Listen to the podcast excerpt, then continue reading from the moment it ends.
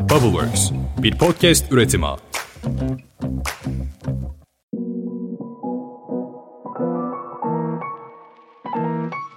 Merhabalar sevgili Start Point dinleyicileri. Ben en sevdiğiniz hostunuz Belen Bakar, namı diğer Belen Lol. Nasılsınız, iyi misiniz? Umarım içinizden bu soruya iyiyiz, çok iyiyiz, harikayız diye cevap veriyorsunuzdur. Şimdi bu haftaki konumuz bir önceki haftanın konusunun devamı aslında.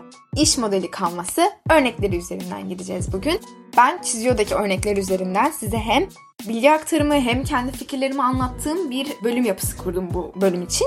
Çiziyor uygulamasında yine linkini aşağı aşağı değil açıklamalar kısmına bırakacağım. Mesleki deformasyon aşağı bırakma linki hastalığı. Yukarı kaydırarak ulaşabilirsiniz falan diyormuşum şimdi. Neyse. Bugün çiziyor üzerinde yine bakabilirsiniz siz de bu iş modelleri kanvasına. Benim hem örnek göstereceğim hem de göstermediğim iş modelli kanvaslarını inceleyebilirsiniz. Bir önceki bölümü dinlemenizi öneririm. Aslında bütün bölümleri tabii ki dinlemenizi öneririm. Bir önceki bölümle çok iç içe bir bölüm olacak çünkü bu. Hazırsanız başlayalım. Çiziyor uygulamasını da önüne açabilirsin ya da benim anlatımımla da ilerleyebilirsin. Hiç fark etmez.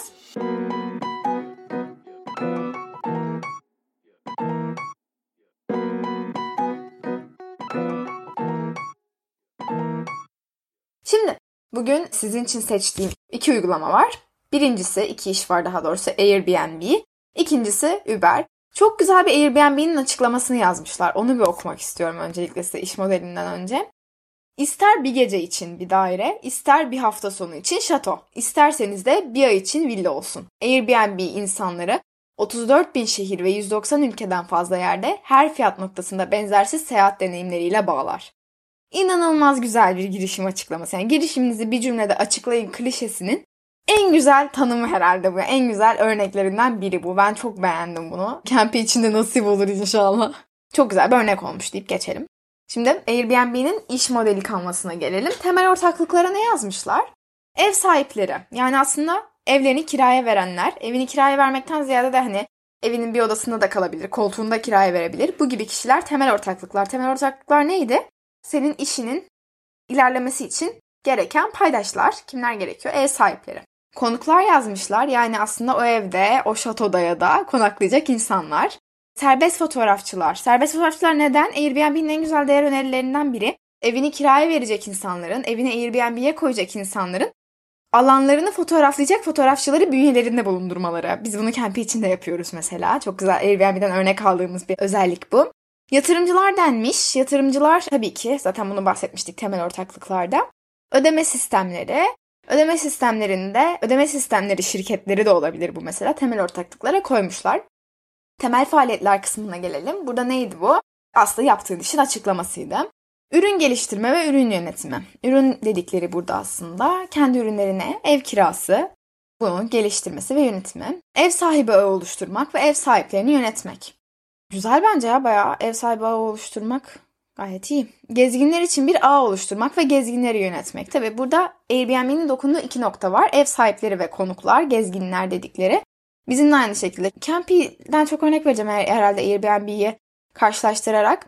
Tek birine bir şey sunmuyorlar burada. İki farklı müşteri yapıları var. Birincisi ev sahipleri, diğeri konuklar. O yüzden temel faaliyet aslında bu iş modelinde ki her alanı hem konuklar hem ev sahipleri olarak ikiye ayırabilirler. Mesela burada Trendyol'dan da bir örnek vereyim. Trendyol'un da böyle iki farklı dokunduğu segment var, müşteri var. Birincisi işletmeler, Trendyol'da ürünü satacak insanlar. İkincisi bunu satın alan insanlar. Yine Campy de bu şekilde ilerleyen bir şirket, girişim. Temel kaynaklara yerel ev sahipleri, yetenekli çalışanlar ve teknoloji demişler. Ev sahipleri olmadan satacak ev olmaz, kiralayacak ev olmaz daha doğrusu. Çalışanlar olmadan Airbnb yürümez, teknolojik altyapı olmadan da kesinlikle bir teknoloji şirketi ilerlemez. Değer önerisinde bakın burada ikiye ayırmışlar. Az önce söylediğim konu ev sahipleri için ve konuklar için iki farklı değer önerisi var. Bunların bir açıklamalarını okumak istiyorum. Ev sahipleri için ev sahipleri alanlarını kiralayarak para kazanabilirler. Airbnb ev sahiplerine sigortalama imkanı sunar. Fotoğrafçılarla kiralanan alanlar için ücretsiz fotoğraf çekimleri sağlar. Konuklar içinse konuklar bir otel yerine bir ev kiralayabilirler. Çoğunlukla otellerden daha ucuza kira ücretleri gibi avantajı var Airbnb'nin. Çok güzel değer önerisi bence. İkisini de güzel özetlemişler. Müşteri ilişkilerini de şöyle sağlıyorlarmış. Müşteri hizmetleri, sosyal medya, promosyonel teklifler ve ev sigortası. Kanallara geldiğimizde müşterilere bu hangi kanallardan ulaşıyorlar kısmıydı. Web sitesinden ulaşıyorlar, iOS uygulamasından ulaşıyorlar ve Android uygulamasından ulaşıyorlar. App'ten ulaşıyorlar yani. Airbnb'nin iki farklı kanalı olduğu için. Müşteri segmentini yine ikiye ayırmışlar. Ev sahipleri ve konuklar. Bu arada kanallarda ev sahipleri için ayrı bir arayüz tasarımları var mesela. Onun da web sitesi ve iOS uygulamasında ayrı eklentileri var. Bu da çok güzel bir farklılık bence. Müşteri segmenti ev sahipleri ve konuklar için ikiye ayrılmış. Ev sahipleri için de bir ev sahibi olan ve ekstra para kazanmak isteyenler, yanlış yazıyor yazmışlar bunları bu arada ben okuyorum da düzelterek okuyorum. Bir ev sahibi olan ve ekstra para kazanmak isteyenler, yeni insanlarla tanışmak isteyenler. Müşteri segmenti. Burada müşteri segmentini daha da detaylandırabilirsiniz. Yani işte şu şu şu yaş arasında bulunanlar. Kadındır, erkektir hiç fark etmez ya da gibi gibi müşteri segmentlerini ikiye ayırabilirsiniz. İşte geliri bu kadar olan gibi gibi. Konuklar için de gezmeyi seven insanlar, düşük fiyatlı ve rahat konaklama tercih edenler. Burada müşteri segmentlerine mesela konuklar için şey de ekleyebilirlerdi.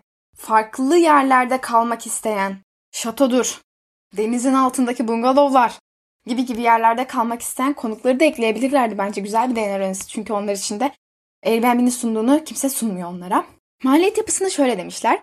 Teknoloji kurulum ve çalıştırma giderleri doğru. Doğru yalnız sanki ben şey yapıyormuşum burada. Doğru mu yanlış mı diye değerlendiriyormuşum gibi. Bir teknoloji şirketinin teknoloji kurulum ve bunu çalıştırma giderleri olmak zorunda. Kalıcı çalışanların maaşları. Evet burada freelancerları da tabii ekleyebilirler. Serbest fotoğrafçıların ödemeleri. Bunlar da zaten yine çalışan maaşlarının içine giriyor. Gelir akışlarına da ev sahiplerinin alınan komisyonlar ve konuklardan alınan komisyonlar demişler. Konuklardan alınan komisyonlarda şey vardır ya Airbnb'nin temizlik ücretleri. Hep böyle tatil yaparsınız Airbnb'de sonra şey çıkar. Aa hadi bakalım bir de temizlik ücreti ödeyin diye bir kısım çıkar o herhalde. Şimdi Uber'in iş modeli kalmasına bakalım bir. Temel ortaklıklar, araç sahibi olan sürücüler, ödeme sistemleri, harita API sağlayıcıları ve yatırımcılar. Ödeme sistemlerini onlar da eklemiş. Temel faaliyetler, ürün geliştirme ve ürün yönetimi. Burada ürün geliştirme ve ürün yönetimi yine onlarda araç, aslında bir taksi yani. Daha doğrusu taksi onların bir ürünü. Pazarlama ve müşteri edinimi, sürücü kiralama, sürücü ödemelerini yönetme ve müşteri desteği. Uber'in sağladığı şeyler bunlarmış. Temel kaynaklarda teknolojik altyapı ve yetenekli sürücüler. Burada kesinlikle bence yetenekli çalışanlar da olmalı yani. Teknoloji çalışanları artı Airbnb'nin genel merkezinde çalışanlar. Yine burada değer önerisini ikiye ayırmışlar. Az önce olduğu gibi müşteri ve sürücüler olarak. Sürücüler zaten arabayı kullanan kişiler. Müşteriler de arabaya binen kişiler. Müşteri için şey demişler. Minimum bekleme süresi. Standart taksi ücretlerinden daha düşük ücretler. Burada herhalde yurt dışında gerçekten standart taksi ücretlerinden daha düşük ücret sağlıyorlar. Uber zararda olan bir girişimdi kurulduğundan beri çünkü değer önerileri düşük ücretti. Doğru şimdi hatırladım olayı. Ama birden mesela geçen yıl Uber'de fiyat artışları olmuştu. Fakat insanlar Uber'e artık alıştığı için de fiyat artışlarının olmasını da razıydı. Bu bayağı olay olmuştu. Güzel de bir business case'idir kesinlikle. Ve varış zamanını görme ve aracın haritadan takip edebilme. Ya ben bunları zaten bir önceki bölümde söylemiştim. Uber ya ne anlatıyorsun sen burada? Neyse çok da cıvıtmadan. Sürücüler için de ek gelir kaynakları, esnek çalışma takvimi, part-time çalışma olanı, kolay ödeme alma prosedürü ve online ödeme alma imkanı. Önceki bölümü dinleyenler bunu zaten biliyorlar. Bu arada ben bakmadan açmıştım yani. Tamamen tesadüf. Müşteri ilişkileri de sosyal medyadan, müşteri hizmetlerinden değerlendirme ve oylama ve geri bildirim sitelerinden. Kanallar yine şeyle aynı, Airbnb ile aynı. Web sitesi, iOS uygulaması, Android uygulaması. Müşteri segmentini yine kullanıcı ve sürücüler olarak ikiye ayırmışlar. Kullanıcılar, araç sahibi olmayanlar, bir parti veya etkinliğe giderken araç kullanmak istemeyenler. Bunlar Uber'i tercih edebilir. Tarz sahibi bir yolculuk ve VIP hizmet almak isteyenler, kapılarına fiyat performans oranı yüksek bir araç çağırmak isteyenler gayet doğru. Sürücüler de araç sahibi olan ve gelir elde etmek isteyen sürücüler, araç sürmekten keyif alanlar. Keyif alanlar tabii doğru. Keyif almasa sürmez yani. Sürücü olarak değil de iş ortağı olarak tanımlanmak isteyenler. Güzel. Güzelmiş mesela. Getir kuryeleri de, kurye diyeceğim çünkü hani anlatmak için. Getir kuryeleri de aslında kurye değil, iş ortağı mesela. Güzel bir değer önerisi getir için de uygulanabilir. Maliyet yapısı, teknolojik altyapı, kalıcı çalışanların maaşları, duyuru etkinlikleri ve pazarlama harcamaları. Mesela az önce Airbnb'nin maliyet yapısına pazarlama harcamaları yoktu. Burada var. olması gerekiyor. Atlanmış büyük ihtimalle. Gelir akışı, hmm, kilometre mil bazlı araç sürüşleri. Burada mesela gelirin nasıl geldiğini de anlatmak gerekiyor. İşte komisyon mu? Kilometre mil bazlı araç sürüşleri. Mesela komisyon buraya yazsan uymaz. Kilometre mil bazlı araç sürüşleri daha mantıklı. Değişken ücretlendirme. Bunu bir önceki bölümde müşteri segmentasyonuna ayırarak ücretlendirme almaktan bahsetmiştim. Çok güzel anlattığımı düşünüyorum. Oradan tekrar dinleyebilirsiniz. UberX, Uber Taxi, Uber Black, UberX Large gibi gibi bunları segmentlere ayırıp farklı şekilde ücretlendirme sağlıyorlar. Ve burada şey de varmış. Uber Cargo, Uber Rideshare vesaire. Hatta şu an yeni Uber Eats çıktı. Onlardan da farklı gelirler elde ediyorlar. Umarım bölüm beğenmişsinizdir. Bu arada çiziyor da farklı kanvaslara da bakmayı mutlaka unutmayın. Ben çok da uzatmamak için iki tane ele aldım. Bölüm beğendiyseniz arkadaşlarınızla lütfen paylaşın. Story'de paylaşın. Beni etiketleyin. Ben de göreyim sizi paylaşayım. Apple Podcast'ten dinliyorsanız beğenin, yorum yapın. Beni çok mutlu edersiniz. Ek olarak da girişim kurmak isteyen arkadaşlarınızla podcastleri mutlaka paylaşın. Hatta arkadaşlarınızla şey yapın. Ya ben seninle ortak olmak istiyorum. Gel şunu dinle. Sonra ortak olurum ancak falan yazın. Tamam bunu yazın ama mutlaka yani atlamayın bunu. Sizi çok öpüyorum. Bir sonraki bölümlerde görüşmek üzere. Hoşçakalın.